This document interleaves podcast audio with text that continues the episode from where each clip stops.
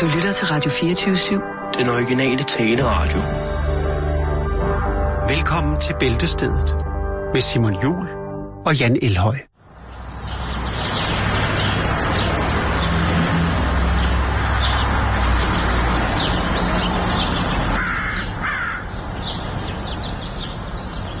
Det er ikke så lang tid siden, at du snakkede noget om et diamantfund.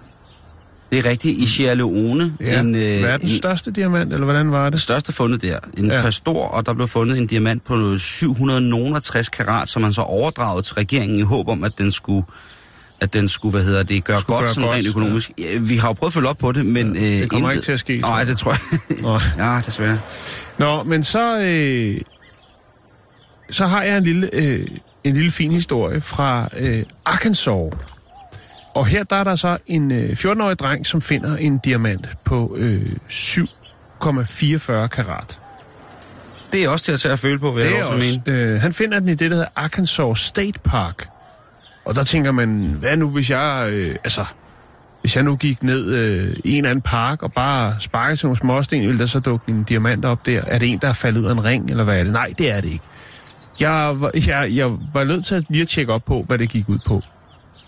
Parken er et sted, hvor man tidligere har øh, nyt godt af diamanter. Og nu har man så, jeg kan lige prøve at lukke op for det her. Det er nemlig sådan så, at parken er en tidligere diamantmine. Øh, og derfor er der altså stadig forekomster.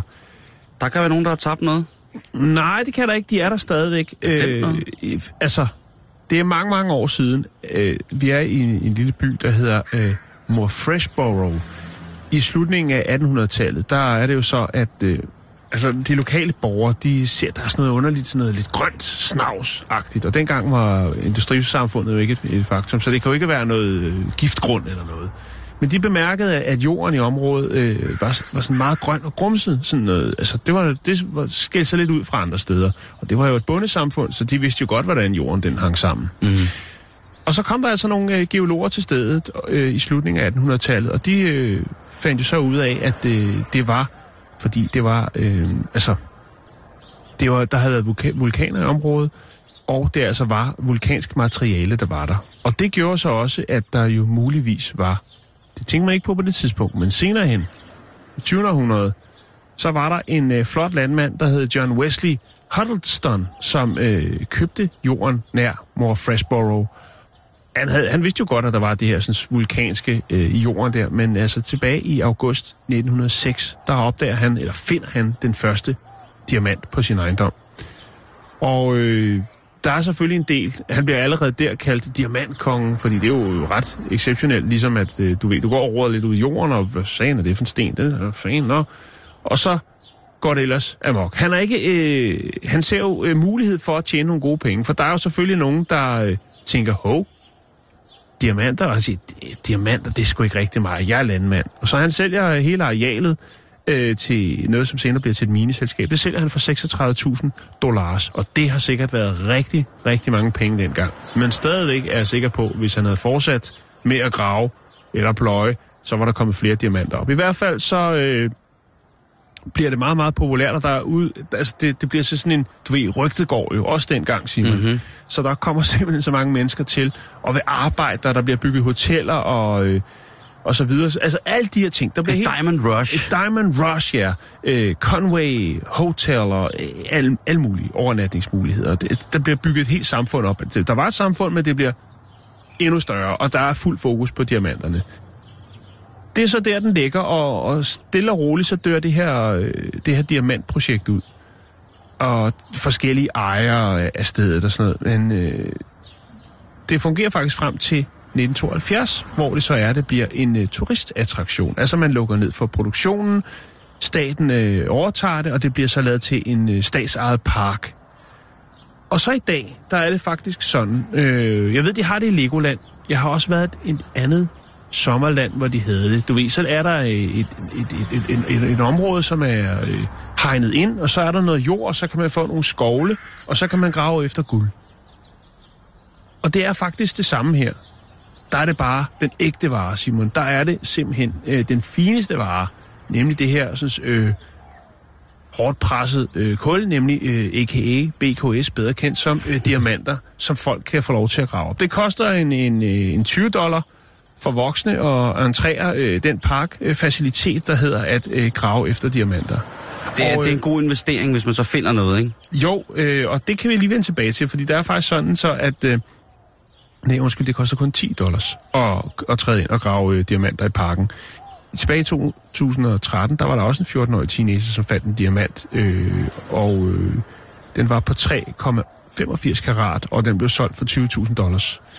Øhm, jeg tænker, så er det, så tror jeg godt, man kan lokke en fle, del flere i parken, hvis der er mulighed for. Altså forestil dig, hvis lige over på den anden side i, af gaden, over i Ørstedsparken, der er der nok nogle brune diamanter, men hvis der nu var... Jeg tror, det er nogle andre diamanter, man finder der. Og man skal ikke bukke sådan noget efter. Nej, Ej, hvad hedder det? Universitetsparken i Aarhus, for eksempel. Ja, for, lige præcis. Tak Simon for at redde mig for den dumme, dumme idé, jeg fik ja der. det var fordomsfuldt. Ja, nej, det ved jeg ikke, om der er. Det, altså, diamanter Nej, der bliver, der bliver skubbet en del røvhul derovre, men... Nej, det var men- ikke det, jeg mente. Nå, det var ikke det. så ved, undskyld, så Det var ved bare- jeg ikke.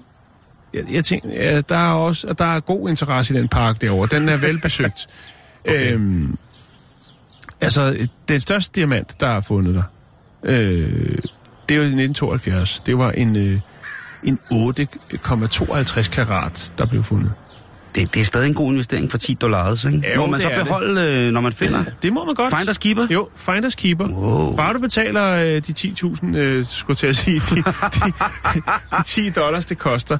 Øhm, så jeg tænker, hvis man nu kommer til Arkansas, så synes jeg, man skulle lægge øh, vej forbi Arkansas State Park, og øh, jeg kan lige lægge et link op til det, der hedder Crater, Crater of Diamonds State Park. Er der så sådan en wall of fame?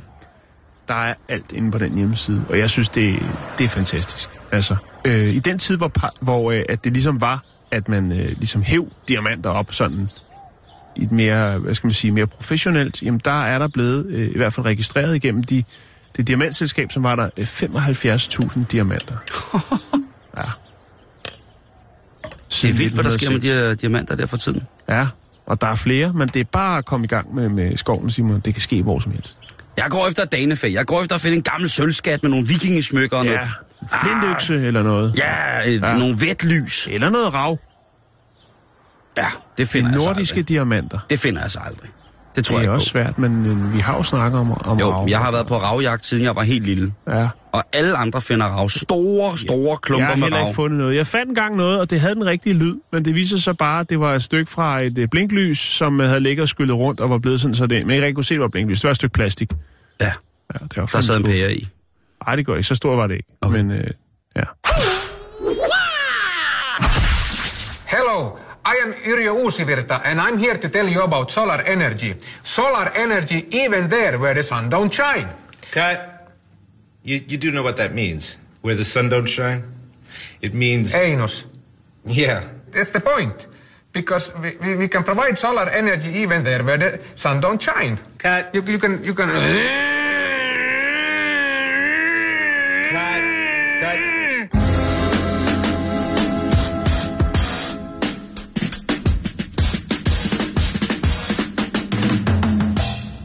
Så skal vi snakke om et uh, nyt museum, som åbner i Helsingborg den 7. juni. Jeg synes helt bestemt, at det kunne være interessant at besøge det, eventuelt i sommerferien. Det hedder Museum of Failure.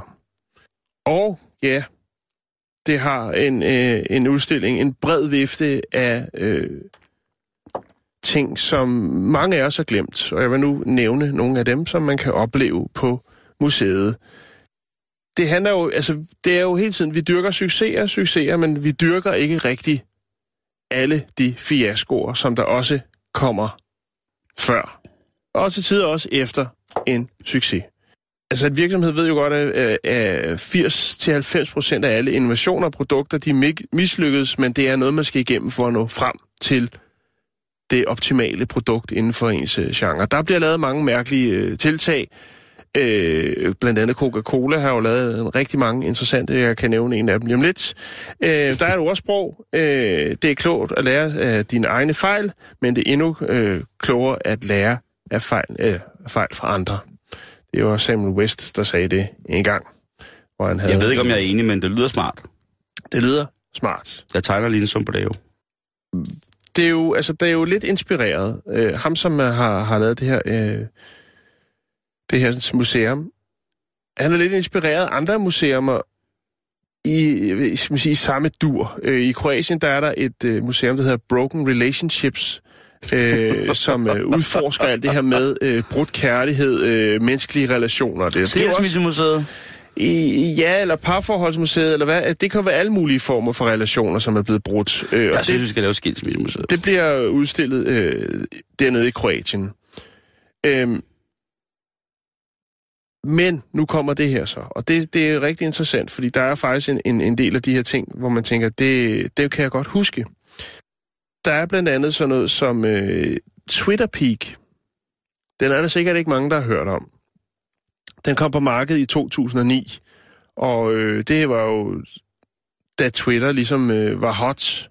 Det er det vel stadigvæk for nogen. Øh, men i hvert fald så er det jo et, et elektronisk aggregat, som øh, ja, senere er blevet forvist til historiens store skraldespand. Men øh, det var et aggregat, som kunne det skide smarte, at, og det var det eneste, den kunne, at den kunne twitte. Du kan altså gå på Twitter og la- lave øh, opslag på Twitter, kun med det her, den her lille tastatur-ting. Øh, Så altså en lille computer, som kun var lavet til Twitter. Ja, tweet øh, kan have øh, 140 tegn, men øh, den her sådan, øh, Twitter peak, der kunne kun øh, være 25 tegn på skærmen ad gangen. det vil sige, så skulle du scrolle ned. Øh, en forholdsvis lille skærm. Jeg har fundet et billede af den. Og det er jo en af de ting, hvor man tænker, altså jeg havde aldrig hørt om den. Det er heller ikke. Øh, men der er altså nogen, der har, øh, der er gået all in for at, at, at, at tænke, det bliver stort det her Twitter. Nu laver vi lige sådan en, og den kunne købes blandt andet på Amazon. Det blev ikke helt det store, Simon. Det er en af dem, som øh, helt klart er røget i glemmebogen, hvis der overhovedet nåede at komme i, øh, i nogen bog før det. Øhm, så er der noget andet. Der er blandt andet øh, Big, det her store øh, firma. engelsk. Øh, nej, BIC, det Nå, her øh, firma, som producerer kuglepinden. Åh oh, ja. Øh, tilbage i 2012, der lavede de øh, meget målrettet et kuglepinsæt til kvinder. Øh, ja, man havde lavet en øh, pink og en lille kuglepind og lanceret dem i en, øh, en topak, som det hedder, øh, for her, altså til hende. Helt specifikt til kvinder, fordi Det er også lidt sødt, at, at, at at, at kvinder kan jo ikke, øh, kan jo ikke Tegn med en kuglepen, der er blå. Nej, lige præcis. det er pisse godt tænkt. Og så når man tænker på, hvor stort et firma det er, øh, at, de, at de så tænker så langt ud af boksen. Øh, og det, det gjorde jo altså bare, at... Øh, ja, altså, det blev blev hånet af på et sted som, som Amazon, hvor de jo blandt andet var sig selv. Øh, der var en, der skrev i kommentarfeltet, at jeg føler mig så feminin, når jeg skriver med de her kuglepinde. Øh, men det er også et problem for mig, fordi at mændene kommer hele tiden hen til mig og skal være i nærheden af mig, når jeg skriver de her kuglepinde. Ja. Så det virkede virkelig, øh, virkelig godt øh, for hende. Selvfølgelig skrevet i, i, i sjov, hvis man skulle være i tvivl. øhm, Udover det, så var de også dobbelt så dyre som alle de andre kuglepinde, som øh, Big de fører i deres store, Sortiment. brede sortiment. Øhm, så det, øh, altså, den forsvandt også hurtigt fra markedet igen. Så er der øh, den klassiske Harley Davidson øh, Cologne. Øh, og det, øh, Den var, har jeg hørt om. det var jo noget, som kom øh, på banen i 90'erne. Og, Den har øh, jeg hørt om. Det var jo et... Øh, ja, men de, de, altså, de tænker vel, de tænker vel at øh, nu skulle der laves flere penge på deres brand, ikke? Øh, en duft serie. og så, øh, så er det, at man tænker, jamen, så skal vi have en duftserie, en Eau de Toilette. Det passer sgu ikke rigtig macho-fyrene, der kører Harley Davidson, eller om ikke andet i hvert fald går i det lædertøj, som de også producerer. Eller de gemasher, de flotte, stramme gemasher, som de producerer, som der også er en del fyre, der går i. Øh, det fungerede ikke. Øh, folk, øh, de rigtige Harley Davidson-fanatikere, øh, sagde, jeg skal kraftedeme ikke gå med parfume. Hvad fanden havde I regnet med? Øh, Det er mærkeligt, fordi når man ser de der rockertyper på en klub om aftenen eller sådan noget, ikke? de dufter jo fuldstændig fantastisk. Jeg har ikke, øh, jeg har ikke mødt nogen rockertyper på en, en klub, men hvis du siger det, er det, er det sikkert rigtigt. Jeg har været i byen sammen med rockertyper, og de dufter, de er så velsoignerede. De dufter så dejligt. Ja. Det må man sgu godt sige. Så kan det godt være, at de laver alt muligt rod og ballade. Men de dufter godt, det kan man, når de går ud. Det kan man altså ikke tage fra dem. Ja, øh, der var nogen, der efterspurgte også, om, altså, øh, altså, om den så havde lugtet af olie og udstødningsgas og alt muligt andet, så var der stadigvæk ikke nogen, der var hoppet på øh, Harley Davidson øh, duftserien. Jeg kan huske den. Jeg ved faktisk ikke, om den stadig findes. Øh, Eller også er det bare, fordi den er printet så flot inde på min, øh, min- nethænde. Skal jeg lige, mens du Øh, fortæller færdigt, du for godt. tjekke, om den findes stadigvæk? Øhm, så var der Coca-Cola Black, hvis nogen kan huske den. Og det var Åh, jo... mere colaen. Det var jo øh, en cola øh, med et, et snært af kaffe. Øh, den eksisterede mellem 2006 og 2008. Øhm, og hvorfor blev den produceret? Jamen det var fordi blandt andet, at øh, Coca-Cola kunne konstatere, at der var nogen, der øh, havde øh, en hang til øh, kaffe og cola blandet sammen, og det fandt de ud af via internettet, hvor at der var mange øh, forskellige opskrifter på, øh, hvordan man lavede den her. Og så tænkte Coca-Cola selvfølgelig, vi vil godt hjælpe folket, hvis der er et, øh, en efterspørgsel på det, jamen øh, så bringer vi det på banen. Og derfor lavede det altså så øh, Coca-Cola Black. Øh, det blev ikke noget hit, Simon. Det gjorde det altså ikke. Så er der måske en anden en, øh, som øh, Samuel West også har øh, i, på sit kommende øh, museum, og det er øh, Nokia Engage, hvis nogen kan huske den, som jo var en, øh, en, øh, en hybrid mellem en telefon og en, øh, en spillekonsol. Den øh, blev sat på markedet i 2003, og øh, den øh, blev heller ikke noget stort hit. Lad os bare sige det på den måde. Yes. For at... Findes det stadig? Skal jeg, lige, skal jeg lige fortælle dig, hvad der ligger? Hvad har du fundet den på? Øh, Er det under samleobjekter? den findes ikke mere, Nej. øh, kan jeg sige. Den udgik i øh, den deres, øh, hvad hedder det, øh, deres øh, serie til mænd. Den hed Blackfire. Den udgår i 2005. Ja. Deres øh, stikdeodorant, der hedder Destiny, Destiny Man, den udgår i 1999. Øh, deres første øh, forsøg hedder Legendary Harley Davidson for mænd, den udgår i 1994. Ja. Legendary Harley Davidson Cool Spirit prøver de så øh, Ja. i 2001. Den dør samme år. Øh, Legendary Harley Davidsons Hot Road, altså varm vej, Ja. øh, den prøver de i 96. Den er færdig samme år. Øh, Territory for mænd, den, øh, den går ikke. Men de prøver altså sådan cirka med fem års mellemrum øh, at komme med noget. Så det kan være, at vi øh, snart kan prøve vores øh, flotte, flotte forårskroppe med noget, noget Harley Davidson-duft. Det er jo ikke, øh, det er jo ikke til at virke, øh, eller til at vide, men øh, nu ved vi det. Og hvem der ville bare have havde Black Fire. Øh, har, du Ja. noget, har du mere Black Fire med? Kan jeg låne Black Fire? Kan jeg synes, Black jeg kører- Fire? Jeg synes, jeg kører lidt trokkerarm her. Donald Trump, han er selvfølgelig også øh, med på museet. Ikke fysisk, men øh, han har jo haft succes med mange ting. Fast ejendom, øh, reality-tv, og øh, ja, så er der noget med noget præsidentvalg. Men han, en ting, som han har mislykkes med, endda to gange, det er hans brætspil. Øh, den oprindelige lancering var tilbage i 1989, og øh, så prøvede han med en relancering tilbage i øh, 2015. Øh, men det gik jo ikke så godt med det. Ja. Alt det og mange flere ting kan man altså opleve øh, på det her nye, spændende museum. Og det er selvfølgelig klart, at, der, at, at, at øh, som, øh, som, øh, som Samuel siger, at øh, man kan jo sagtens grine af alle de her ting, men det er jo, altså, det er jo også et, et vidnesbyrd om, at jamen, man er nødt til at... Altså, man er jo nødt til at udvikle sig, og så kan det godt være, at man ryger tilbage, men nogle gange så ryger man også meget frem, og så vil der være noget, man kan give tilbage til, og tænke, det giver jo ingen mening. Det er da et godt øh, eksempel på det. Det kunne for eksempel være øh, Kodaks første digitalkamera, øh, som jo... Øh, det var ikke noget flop, men, men Kodak selv troede jo ikke på, på det her med digital foto, til trods for, at de havde... Øh, hvad hedder det... Øh, rettighederne til, til digital kamera. Øh, men det gjorde så, det, øh, kan man sige, altså det blev jo simpelthen deres død. Det var jo øh, 160.000 mennesker, som var, var beskæftiget hos Kodak, og Kodak gik jo konkurs øh, grundet den teknologiske udvikling og deres, hvad skal man sige, Er de simpelthen gået konkurs, Kodak, dem der lavede papir, papirfilm og billeder? ja, Ej, hvor det var grundet øh, det, det digitale, eller også, men altså grundet øh, digitalkameraer, som i øvrigt var noget, som de havde patent på. Øh, men de troede ikke på det. Havde de patent på digitalkameraet? Mhm. Kodak, og de gik stadig konkurs? De gik stadig konkurs. Nej, eller de gik hvor er det konkurs. sindssygt. Hvor er det vildt. Det var tilbage i 2012. Ej, det og det var simpelthen, engang. fordi de ikke kunne tilpasse sig markedet. De, du skal jo tænke på, at øh, dengang, da de var store, og de var store, de var kæmpe store, øh, hvor mange der var beskæftiget, der havde noget med Kodak at gøre. Og det var jo alt fra øh, folk, der stod og solgte altså, fysiske film, øh, gode gammeldags analog film, øh, altså til sælger med hele kæden, og de, de, de var på toppen af spillet, kan man sige, og især i USA, hvor de havde en kæmpe, kæmpe stor markedsandel. Men øh, de døde, den digitale død. Wow, jeg Alt vidste ikke, det og, og meget mere kan man altså opleve på det her øh, spændende nye museum øh, i Helsingborg. Museum of Failure, som åbner den øh, 7. juni. Jeg kan smide et link op til, til hjemmesiden, så kan man øh, holde sig opdateret der og gå lidt på opdagelse i, hvad museet ellers har at byde på.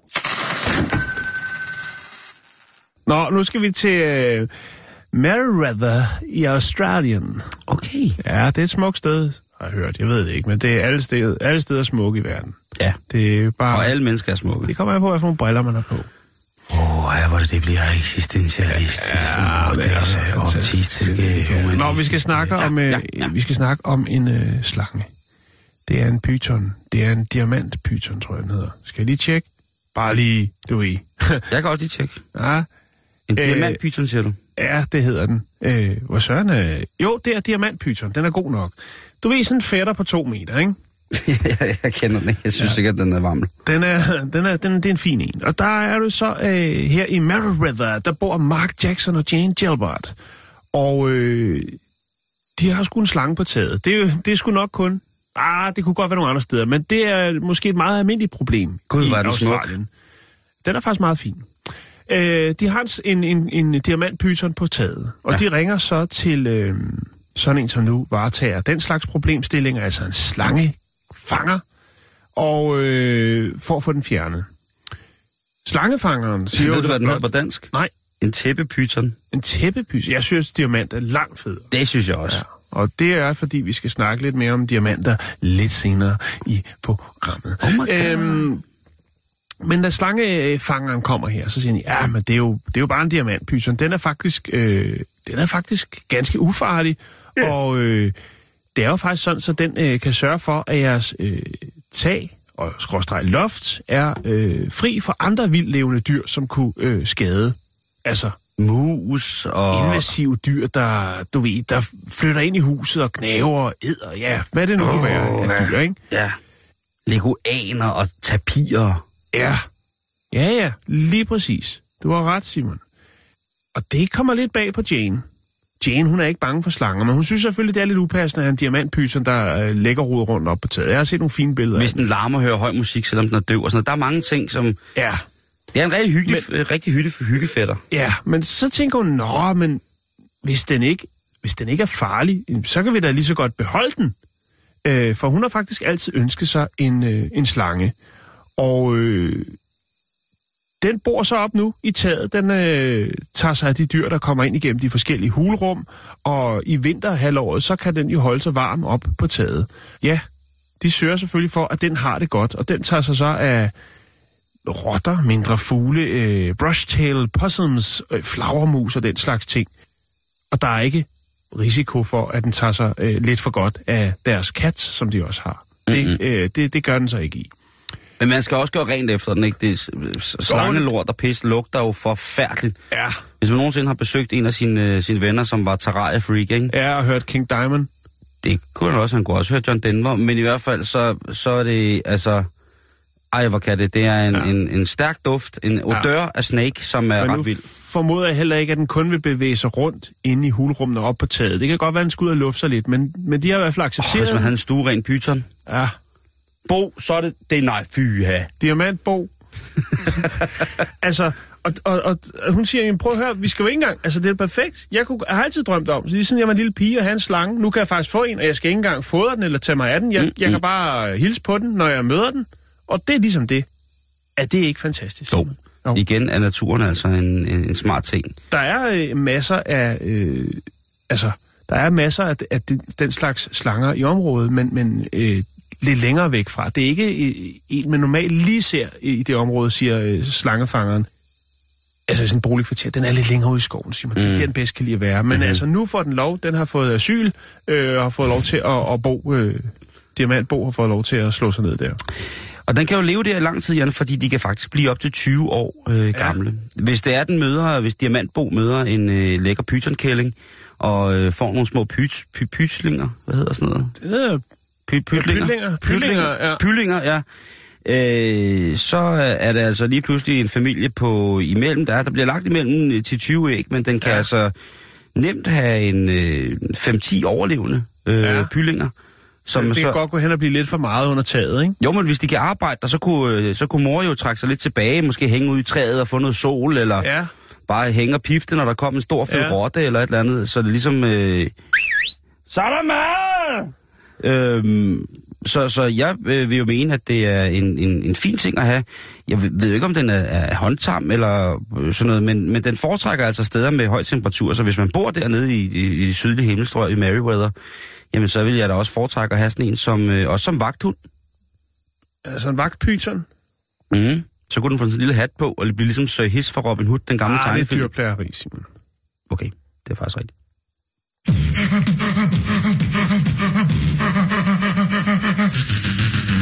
Nu skal vi så snakke om den øh, menneskelige udstråling, Jan. Der er nogen, der kalder det en... Der er nogen, der kan se aura. Har du nogensinde fået taget et aura-fotografi? Nej, jeg, jeg tror ikke på det. Jeg tror bare, det er øh, film, der er for gammel, der bliver brugt. Jeg fik engang taget et aura-fotografi til en alternativ behandlingsmæssig forum. Ja, hvad der- du af? Øh, de kunne ikke finde nogen. Først, først tog, tog dit billede, og så, øh, blev den, så blev den der aura-læser sådan en lidt sådan, åh, der må være en teknisk fejl. Og efter det tredje billede, det koster åbenbart ret meget at tage sådan et billede. Jo, jo, jo, selvfølgelig. Øh, og de ikke rigtig kunne se noget. Jeg, jeg tror simpelthen, jeg øh, er forladt. Det kunne jeg så godt have fortalt dem, at der hverken er, er, er sjæl, hjerte eller anden former for... Øh, oh, lad nu være, lad nu være. Lad nu. og hjerte måske ikke, men der er det er i hvert fald... Øh, det der, og der blev jeg faktisk lidt bange, for jeg kan jo godt have tendenser til nogle gange at tro på det alternativ, ikke? Så jeg tænkte bare, nå okay. Øh, og fotografen, der havde taget det der billede, var helt ude af sig selv. Men altså, man har til synlædende en vis form for glød i citationstegn, siger nogen. Og i øh, den engelske, øh, det engelske tidsskrift, der hedder The Telegraph, der er der blevet øh, skrevet en artikel om et nyt studie, som er blevet publiceret fra det, der hedder Psychological Science. Oh, psychologicals. Og de fortæller, at øh, når man korpulerer, altså når man har en, øh, en seksuel aktion med. Ja. et andet menneske, så kan det vise positive spor i din glød 48 ja. timer efter, Ja, at akten er blevet udført. jeg ved det. Og det, og det er, øh, det er det, der hedder en efterglød, som, øh, som ligesom får personen, der har det, Ja. til at virke. Har du aldrig prøvet at køre på arbejde med en god efterglød? Nej, Folk, de kan mærke det på dig, Simon. Det har jeg De nok. kan se det. Ja, men de river og flår jo mig, altså, når jeg står der ved bussen, ikke? Det er jo bare have min krop. Men øhm, Det kan jeg godt se. der, der sker ikke skid. ham først! Der sker ikke skid. Øhm, men for mange, der har det jo været fuldstændig klart, at hvis man i et parforhold har, øh, har sex, så er det noget, der blandt andet kan være med til at skabe en øh, nærhed. Men øh, den her følelse af nærhed og øh, den her udstråling, som der så følger med den øh, følelsesmæssige selvtillid, den har man ikke rigtig haft så meget styr på, men det har man altså begyndt at få nu. Og det er Florida State øh, University, som har taget 214 nygifte par ja. Og fået dem til at skrive seks dagbøger i 14 dage. Øj, ja. Det har været noget liderlig læsning. Og de er nygifte, og det, det gør jo nok også, at man på det tidspunkt gerne skulle pike i forhold til at være ja, nyforelsket og kunne modtage den anden personens ild, således at ens gløder, når ilden er brændt ud i fælles aktion, så ligger og ulmer, men stadigvæk til positivt udtryk for din person, din persona. I seks måneder blev de her par altså bedt om at evaluere på deres forhold, og der var det altså ret tydeligt, at øh, de forskere, som var med her, de kunne finde, at øh, den her naturlige high, som det jo er at have sex, ikke? Vi slipper, slipper en masse, masse løs fra kroppens eget narkoskab, øh, endorfiner, oxytociner, øh, rosiner, adrenaliner. Der er mange ting, der bliver der er sluppet løs. ja.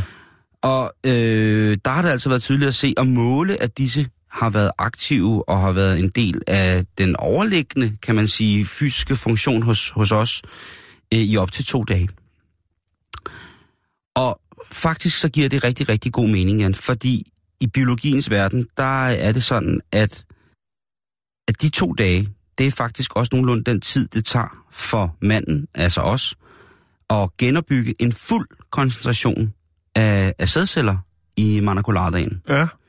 Så når den øh, enårede bukseslange øh, spytter... Diamantpytonen. Diamantpytonen, den, øh, eller Den tæppepytonen... spyr.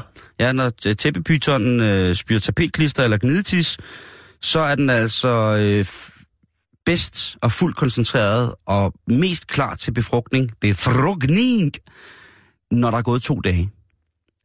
Så hvis man for eksempel øh, sidder og hiver og flår og banker, indtil der kun kommer spindelvæv, varm luft og blod ud, så er det altså ikke ensbetydende med, at det kan øh, medføre en, øh, en graviditet. Der skal lige være lidt restitution i, øh, i den lille læderpose øh, under pjorten, før at øh, vi igen kan, kan skyde med helt skarpt.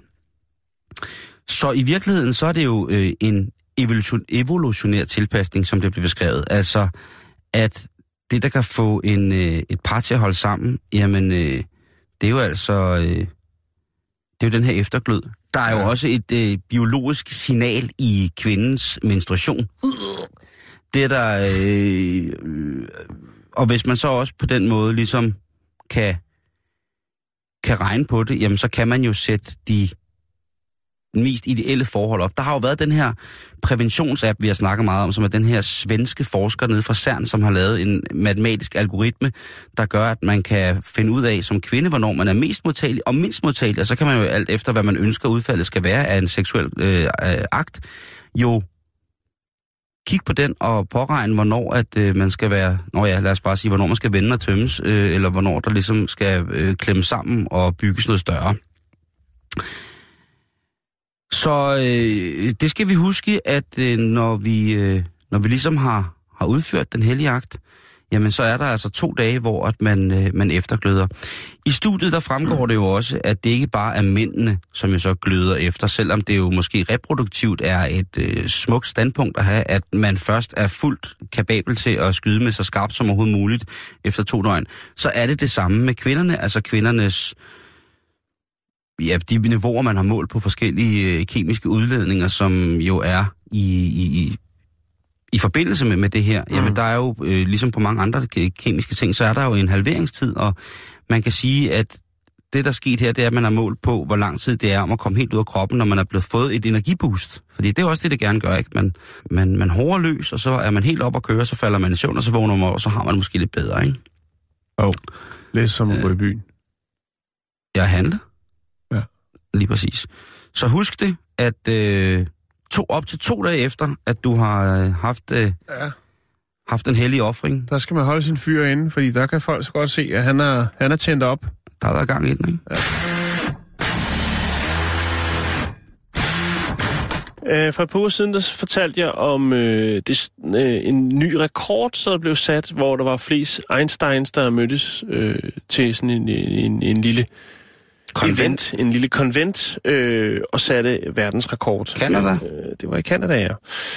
Øhm, det her er ikke et rekordforsøg, men øh, alligevel er der en lille pangdang til i hvert fald, at mange øh, udklædt som den samme person, øh, for at hylde personen, mødes.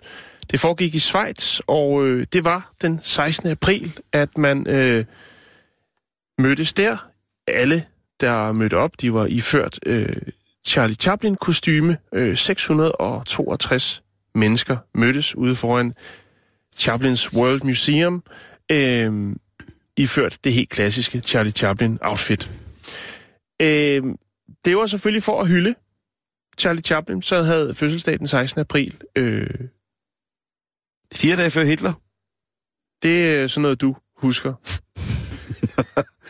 Øh, helt fantastisk at se øh, så mange mennesker. Jeg fandt et par billeder af det på nettet, og det er jo så øh, mænd, det er kvinder, det er børn, øh, som jo så også øh, stillede sig og fik taget et øh, gruppebillede i en stjerneformation. Det siges også, at det, altså, det er jo selvfølgelig også et, øh, eller var et forsøg på at slå verdensrekorden.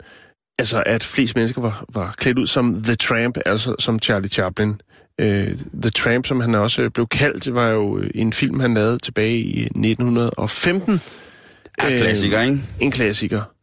Øh, Er det ikke der, hvor han spiser en sko også? Han spiser sin sko. Jo, det tror jeg faktisk, det er. Det er lang tid siden, jeg har set Charlie Chaplin, men jeg får faktisk lyst til at se, eller rettere gense, øh, en af hans øh, mesterværker. De viste på en af DR's kanaler forleden dag den fantastiske film Chaplin med øh, Robert Downey Jr. Mm. Det er en magisk film.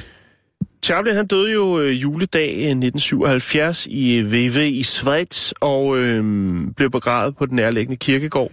To måneder senere, altså den 3. marts 1978, der blev hans liv jo stjålet, det har vi snakket om tidligere, fra kirkegården i et forsøg på at afpresse familien penge. Afpresningsforsøget det mislykkedes, øh, røverne blev fanget, og altså livrøverne, og øh, livet blev fundet 11 uger senere nær øh, Genevesøen. Som i øvrigt også er, øh, så vidt jeg er orienteret, der, at det her museum ligger. Ja. Jeg kan lige smide et par billeder op, så kan man se, du kan også lige se det her, Simon. Øh, The Chaplains. Her er de. Er det ikke fint? Nej, det ser sjovt ud. Ja, ikke? Jo. Så er altså en hyldest til øh, stumfilmens mester, Charlie Chaplin, som, øh, ja, for to dage siden, hvis han havde levet, så havde han været en af verdens ældste, fordi så var han blevet 128 år. Det sjove, Jan, er, at vi bliver, og vi afslutter i dag øh, i Space også. Fordi vi skal snakke om den organisation, som hedder The Autonomous Space Agency Network, altså det autonome rumagenturs netværk. Ja. Og det er jo nogle mennesker, som øh, for det første jo ikke rent økonomisk er i samme stand til at facilitere tests med deres, med deres krav på rummet også, i forhold til deres krav på rummet. Men de har altså nogle hjerner, som i den grad kan finde ud af at sætte ting sammen, således at man altså kan være i gang med at skabe et alternativt kapløb til rummet. Der er selvfølgelig ikke, som jeg selv sagde, på grund af den økonomiske tilstand i projektet, ikke faciliteter til, at man kan bygge de her helt store rumfærger og rumstationer og sådan noget, men man kan nogle forskellige andre ting, Jan. Og for det første, så kan man være en græsrodsbevægelse, som bevæger sig i et øh, felt, hvor man jo altså skal have utrolig meget uddannelse for ligesom at gøre det rigtig, rigtig godt og forstå helt præcis, hvad det er, at sådan noget her går ud på. Men den her gruppe, de har som de første lavet en rumdemonstration. Og her hylder de altså Edgar Mitchell, som var en af de her NASA-astronauter fra det, hvad kan man sige, etablerede system, som fik lov til at gå på månen. Og han sagde på et tidspunkt på månen, og det er et ret fantastisk citat, så siger han... Øh, One nej, det sagde han ikke. My cock is blue and cold. Nej, han sagde, at en gang imellem, så når man så på jorden fra, fra månen af, så fik man en global bevidsthed om, hvad jorden er, og hvorfor vi skal passe så meget på den, fordi den er så smukt. Og så siger han faktisk, at øh, når man ser på månen, eller når man står på månen og kigger på jorden, så vil man til hver en tid være fuldstændig bevidst om, at man har brug for at gøre noget for at passe på vores fantastiske planet. Det er jo ret vildt at sige, når man står på månen og siger det. Og så kommer han med de fantastiske ord, der hedder, når man står på månen, så er international politik simpelthen så sørgeligt. Du har lyst til at tage en politiker, tage ham i kraven, og så slæbe ham 250 km, 1000 km op på månen, for at kigge ned på jorden og så sige, prøv lige at se på det der, din son of a bitch. Take a look at this, you son of a bitch. Er det ikke værd at passe på? Og der har de altså, det her rumagentur, lavet noget ret genialt, fordi de har sendt en drone op med en Twitter på, hvor de har henvendt den til Donald Trump, og så har de skrevet her. Du kan prøve at se, hvordan det ser ud. Ja, med et tweet. Hvor der står, Look at that, you son of a bitch. Så de har altså taget den gamle astronauts ønske ja. Om at vise en politiker jorden så smuk, at man ikke ville kunne lade være med at passe på den. Og så har de altså sat det tweet op, som et lille, jeg lægger det op på vores Facebook, sat det op på, på undersiden af den her drone med et kamera, sådan så man ser jordens, altså man ser jorden øh, overflade atmosfære, man ser jordens, øh, Den smukke blå planet. den smukke blå planet, man ser også, hvad hedder det, den her kugleform, altså vi er så langt ude, så vi faktisk kan, kan se øh, den vælvede horisont med jorden, og så en hilsen til herr Donald Trump, der hedder Look at that, you son of a bitch. Jeg synes, det er en af de fineste passiv-aggressive demonstrationer i forhold til, hvordan at man kan henvende sig til en mand, som til synligheden ikke lytter til særlig meget og særlig mange.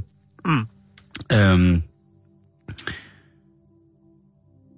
Og så er der jo igen blevet stor glæde, fordi den her øh, organisation er lidt sådan en gør-det-selv rumting. Altså, vi har lidt ligesom som de folk, som er med til at bygge raketter ude på Refsaløen her i København.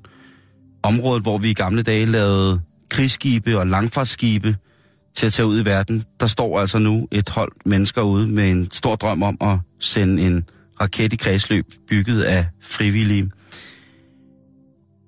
Nu kan man sige, nu kan man sige, at det her det er nok både en kommentar til NASA, altså den amerikanske del af NASA, som jo også i den grad er styret af præsidenten.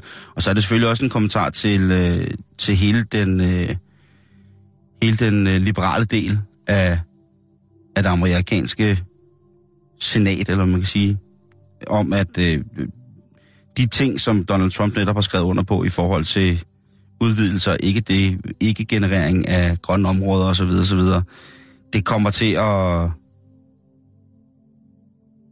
kommer til at blive lidt mærkeligt for USA på nogle tidspunkter. Og derfor så synes jeg, en fin lille note med jorden som baggrund, hele vores jord som baggrund, i en hjemmelavet værballon, det er signalværdi nok for mig til, at øh, det næsten er forsøgt et mm. eller andet sted. Men jeg kan godt øh, lide systemet, og øh, sådan vil det blive ved med at være.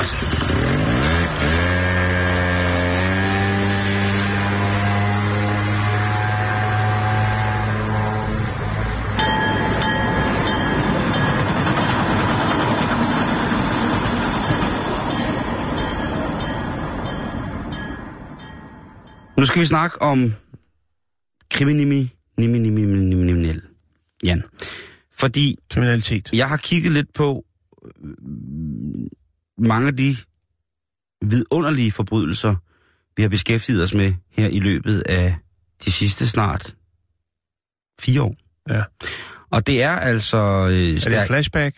Nej, det er det ikke. Men, men jeg har så også kigget rundt omkring på, på underleverandørsider til, til spooky-sider om virkelig, virkelig skøre kriminelle. Og jeg finder jo så nogle af de ting, som vi også har gennemgået, men jeg finder også nogle ting, som jeg føler, vi ligesom må gå igennem igen, fordi at det er, altså man kan sige meget om, øh, om genier, men der, jeg kan ikke under, altså jeg kan ikke understå mig i at sige, at der også findes kriminelle genier.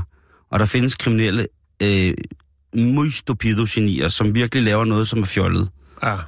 Og, og der er jo for eksempel chancen, altså at tage den, og prøve at, at gøre noget godt igen, eller prøve at på en måde at forædle ved at forfalske noget. Grib chancen, eller hvad er vi ude i? Lev nuet, ja, det vil jeg sige. Fordi en af de lande, som vi jo priser rigtig, rigtig højt for deres nationale køkken, det er jo Italien. Ja. Altså, men hold kæft, der er...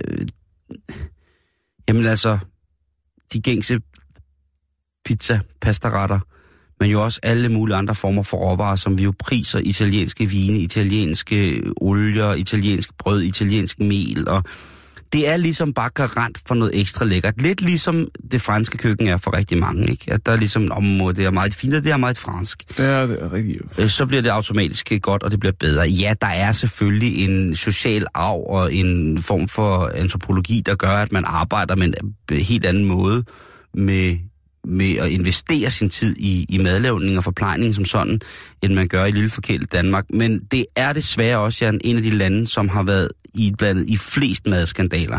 Mm. Jeg ved ikke, der er sikkert nogen, der sidder og kan huske, på et tidspunkt, der var der noget Chianti-vin, som havde et lidt øh, sørgeligt indhold af for eksempel noget, der kunne minde om kølervæske. Og så Det har også så der været, Ja, der er har været store olivenolie-skandaler med, at øh, langt de meste, eller der var en masse dyr olivenolie øh, solgt fra Italien, fra en øh, italiensk øh, high-end, altså en, en virkelig, virkelig luksuriøs producent, hvor man så fandt ud af, at det var øh, øh, olivenolie importeret fra, øh, fra Sydspanien, og der, altså, der har været mange ting, som ligesom ikke har været godt.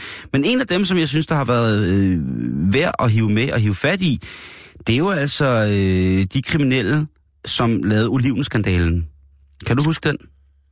85, Ikke rigtigt. 85.000 tons oliv, oliven, som blev malet grønne, for at se ud som om de var friske. De var ved at være for gamle, og så blev de altså farvet grønne. Det kunne have været i Kina. Det kunne sagtens have været Kina, men det var altså i, øh, i Italien. Og der må man sige, at det, hvis man kigger på dem, øh, så ser det altså øh, ret, og, og, ret øh, nemt at se, hvad der er ægte og hvad der ikke er. Og det, det var altså øh, oliven, som blev, de blev ikke farvet, som, som de, de blev tilsat øh, korsulfat. Ja, Og det, det smager dejligt.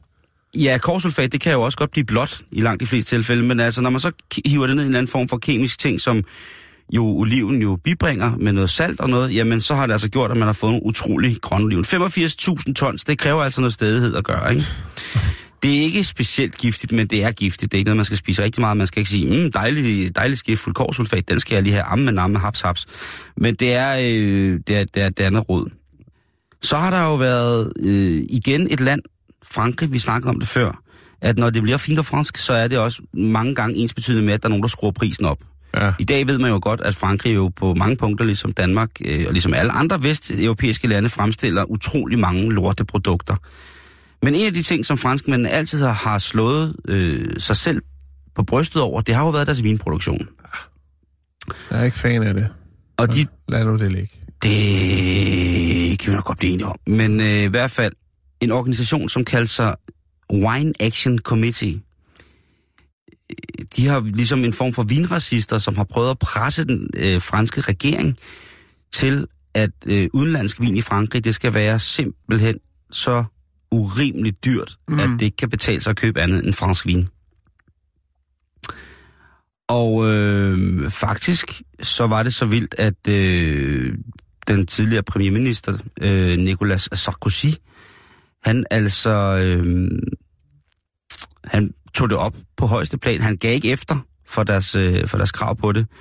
Men øh, det gjorde den her øh, aktionsgruppe altså, og iført elefanthuer og blå kedeldragte, så var de altså ude og, øh, og smadre store opbevaringstanke af batches af importeret vin fra, øh, fra andre lande. De smadrede også øh, hovedkvarterer, altså kontorer, som ligesom også var administrationer for de her øh, udenlandske vinimporter. Og øh, ellers så var det bare øh, Landbrugsministeriet, som rent faktisk også fik tæsk over, at de ikke støttede op om deres vinbønder, som på, de synes havde det rigtig, rigtig svært. Ikke? Mm. Øhm, en form for, for fødevare og røver, altså dumme kriminelle, ikke, som ligesom har, har prøvet at på den måde smadre, en, øh, smadre noget andet. Men som sagt, varmblodet, raseri, og når det så handler om mad og vin i Frankrig, så kan bølgerne altså gå rigtig, rigtig, rigtig, rigtig, rigtig højt. En anden ting, som ligesom er øh, blevet populært, som er, er en kriminel ting, som skyder op forskellige steder, det er i Iran, hvor at øh, de hyrer folk til at gå bag ved deres biler og dække over nummerpladen, når de kører ind i byen, således at nummerpladekameraer ikke kan fange dem. Vi har jo hørt, at der er jo øh, i det danske politi, er der blevet sat de her såkaldte øh, fotovogne op, Ja. som mange synes er pengeautomater, øh, fordi de ikke selv kan finde ud af at køre bil.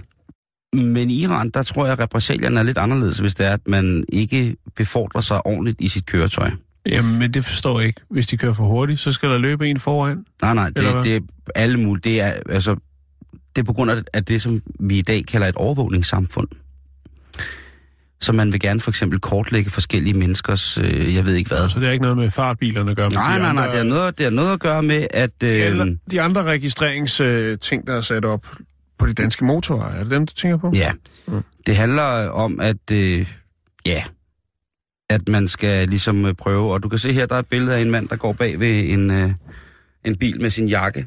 Og så kan man være nummerpladedækker i Iran, hvis det er, at man ikke vil, øh, vil, vil, vil kendes, eller vil, ens Mm. køretøj skal kendes. Og det er jo altså et problem, fordi at øh, her kan du se på Al Jazeera, der kan du se problemet, hvor der er en, der løber bag ved nummerpladen faktisk. Løber bag ved bilen for at gemme nummerpladen. Men, og det er kriminelt, det må man ikke.